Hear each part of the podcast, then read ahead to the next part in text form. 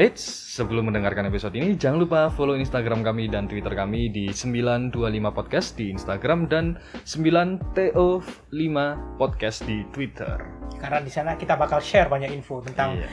kita update kapan, episode apa, dan juga khususnya di Instagram Hmm. banyak meme-meme lucu seputar Iya. kerjaan.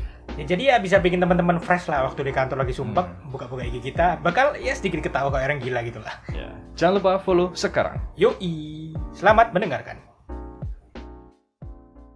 Jadi dia itu sekolah itu formalitas saja sebenarnya. Buat ilmunya. Buat ilmunya, Iya, jadi iya. nggak di, nggak dibohongin karyawan. Iya, iya benar benar benar. Benar. melihara ikan sama mereka itu jancuk teori banget tuh ya dikasih kapur dikasih ini dikasih ini wow Ya kuliah ya, iya makanya makanya Lagi seneng-senengnya. Heeh.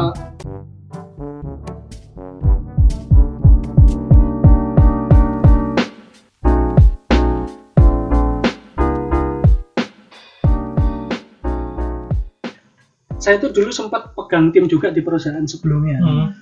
Itu di Jawa Barat. Hmm. Karakter orangnya saya nggak kenal ya, Hmm. orang Sunda. ya. Jadi itu saya belajar dari situ. Saya itu terlalu slow, Hmm. terlalu slow megang orang yang saya nggak ngerti karakternya. Jadi saya banyak lepas kendali. Nah sekarang itu saya sudah belajar dari pengalaman. Jadi memang namanya anak muda itu kita memang perlu slow mas. Iya. Tapi kita harus punya uh, figur yang dipandang mereka itu juga seimbang. Panutan, ya. Panutan. Entah itu secara uh, tegasnya itu juga harus punya. Gitu. Is- Istilahnya gitu taruh ulur lah.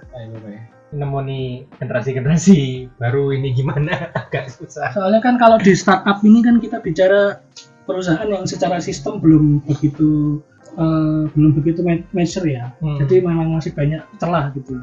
Nah itu kita yang harus bisa buat sistem supaya anak-anak ini kerja itu nggak perlu apa ya istilahnya kerja itu nggak malas itu oke lah saya juga malas Hmm. tapi dia itu tanggung jawabnya beres Ada tanggung jawab. ada tanggung jawabnya saya pun juga malas jadi kayak contoh hari ini pun juga saya nggak ke kantor. Kalaupun kantor itu dari rumah saya itu cuma 10 menit kalau naik roda 4 karena memang nggak ada urusan ya saya nggak ke sana. Cuman kan tanggung jawab saya beres gitu. Nah. yang penting itu.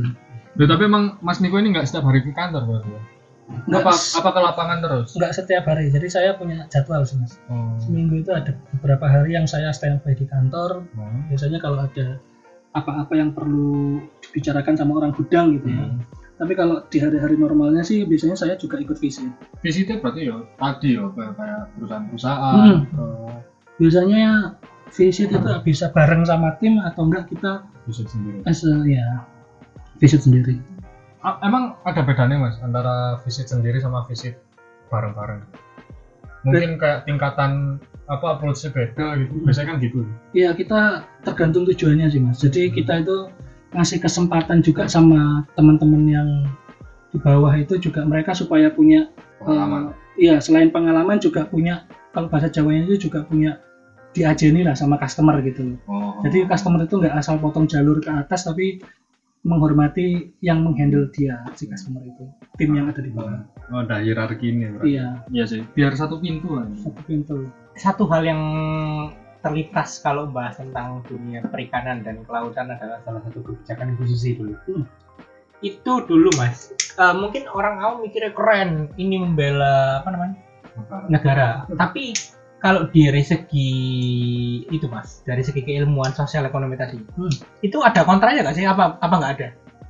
sebenarnya sudut pandangnya itu eh, dua mas ya Hmm, sudut pandang yang jangka pendek sama sudut pandang jangka panjang benar.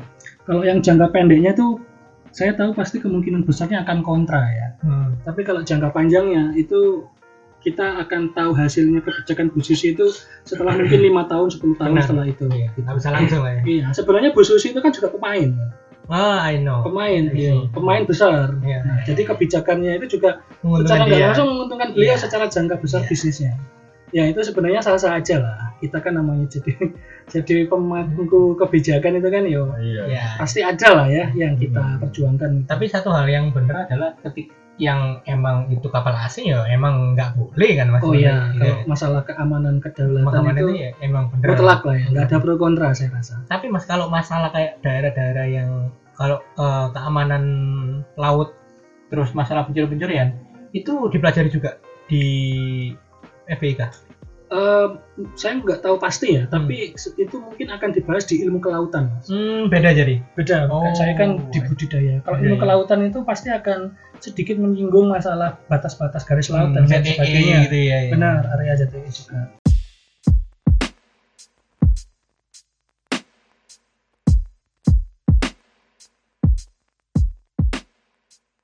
Tantangan kok klise klise banget gak sih kalau tanpa tantangan Kak, tantangannya apa emang mas jual seafood mentah Tantangan ya. Wah, sebenarnya sederhana sih mas jualan seafood. hmm. Yang penting produkku harganya murah itu kemungkinan besar akan dibeli sama customer ya. ini ini kalau B2C kalau B2B Iya, B2B. Oh, yang saya bicara tadi B2B ya. Jadi produk kita selagi lebih murah dari kompetitor Hmm. itu kemungkinan besar akan dibeli. Diambil mas yang Eh, selama kualitasnya mungkin sama. hmm. Nah masalahnya nih, area saya di Jawa Timur mas, itu gudangnya pabrik mas. Hah? Jadi gini, di Jawa Timur, Jawa Tengah sama Jawa Barat itu eh, pasarnya beda. Kalau di Jawa Timur itu banyak pabrik yang ngolah seafood ini jadi produk yang saya jual juga. Hmm, hmm. Nah, otomatis kan kompetitor saya lebih banyak Hmm. dan itu langsung dari pabrik, Mas. Sedangkan saya itu bisa dibilang perusahaannya itu ngambil dari si pabrik entah itu di mana gitu loh. Hmm. Nah, otomatis kan harganya akan sedikit kalah nih dari pabrik yang proses sendiri sama saya yang masih beli dari orang kan. Sederhananya gitu. Nah, jadi pinter-pinternya tim kita itu nyari celah nih mana nih pasar yang memang masih bisa kita masuk ya. Hmm. Ya kadang memang mungkin margin kita tipis ya, tapi namanya awal kita penjajakan produk ya, yang penting kita market share luas dulu. Hmm. Yang penting kita punya pelanggan banyak. Nanti masalah harga itu ya kita punya speak speak lah sama customer. Jadi kan kayak mendapatkan itu lebih susah men daripada apa mempertahankan Iya. Iya iya. iya. Kalau ikan mas, yang secara produk salesnya paling oke itu apa mas? bukan ikan ya tapi produk seafood apa Iya, iya. Yang sekarang mas ya, yang nomor satu itu ada namanya Cumitub.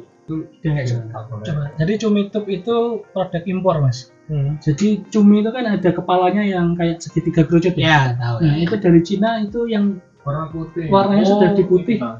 kulitnya sudah di Oh, kupas. kenyal-kenyal tuh pasti. rasanya kenyal. Biasanya sama orang itu dipotong untuk jadi cumi ring. Ah, I see. Nah, teman-teman kalau beli seafood biasanya kan ada menu cumi ring. Hmm. Nah, ini yang cumiring sing paling laku.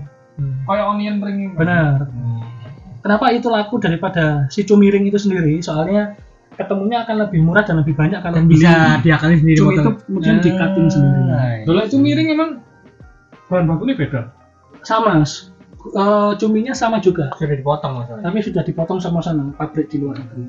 Tapi kemudian ketemunya itu akan lebih mahal si cumi ring itu.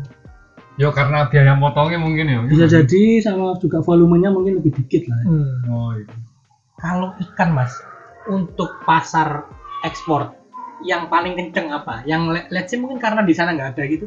Eh, kalau di Indonesia ya, setahu saya yang nomor satu itu masih udang mas. Udang betul. Udang, ya. udang faname, udang tiger itu kita masih nomor satu ya setahu saya secara peringkat ekspor ya. Walaupun sekarang secara pasar internasional itu kita ada masalah. Terus yang kedua itu cakalang, Oh cakalang. ikan cakalang. Itu skip cek atau apa ya itu bahasa luarnya. Itu kita juga bagus. Eh sih berarti tempatnya Mas Niko ini memang khusus air air air laut ya air laut ikan iya, ikan ikan laut air laut ya. Iya, sekarang sih masih terbatas di situ, Mas. Tapi kita juga ada beberapa komoditi yang air tawar itu kayak duri fillet. Ya mungkin Oh, duri duri, fillet. fillet itu kan sebenarnya bahasa umumnya kan itu patin ya. Patin, yang Patin. di fillet itu kemudian bahasa dagangnya duri. Duri. Itu kan air tawar, itu kita juga ada. Dan aku baru tahu kak beberapa ikan yang kita makan sehari-hari di Indonesia itu di Eropa, even Amerika itu dikata hama. Iya nggak sih mas? Banyak, banyak. Kayak lele itu dikatain itu hama, itu hama nggak dimakan. oh catfish ya Iya itu hama. tapi enggak juga sih tergantung negara bagian sih ya aku pernah lihat itu videonya Gordon Ramsay Hmm. di YouTube jadi dia ke negara bagian mana gitu terus dia nangkep lele tapi lele guduk lele lele cilik Oh, lucu. gede-gede. lele lele ancen dia lele kayak di danau gitu loh Oh gede-gede. entah danau buatan apa danau Hmm. tapi danau yang memang terlalu besar dan lelenya memang gede-gede Oh gede. dan emang di sana itu kayak staple foodnya tuh catfish Yes, fish. Heeh. Oh, iya. makanan bukan makanan utama ya tapi ya Makanan khas. iya makanan khas khasnya itu malah catfish Dan ada juga ikan apa itu mas yang disebut hama? Ikan yang disebut hama. Di luar ada juga. Kita makan tiap hari. Ano, carp ya ikan mas ya. Iya kayak itu, ikan itu, mas. itu, itu, itu, ikan mas itu hama banget sama pangan yang gue di Jawa Barat laku keras ya. iya lalu lalu gak dipangan. Ikan mas ikan mas. Ikan mas itu di Amerika ya itu salah satu spesies invasif yang paling bahaya. Maksudnya itu dia ngerusak ekosistem. Oh ikan mas itu. jadi karena reproduksinya kenceng ikannya itu makan banyak biota di dasar. Hmm. jadi itu ekosistem di danau akhirnya kan nggak seimbang iya ya? iya ngerusak jadi. Rusak kalau di kita kan dibudidaya iya gitu malah ya. dipangan Aku makan iwak mas. iya itu Jawa Barat ya dimakan Jawa Barat kan saya sempat dua tahun di Jawa Barat Dimakan. ikan mas itu favorit justru lele nggak mau di sana Aku malah kayaknya gak tahu deh mangan. kita jarang Jawa Iya, Timur iya, ya emang, iya. Loh, kan jarang aku gak tahu belas. aku ya podo nang kene gak tahu tapi nang kono iku rame terbiasa aja Kak aku sumpah iki aku iwak mas. iya awalnya kan iya kan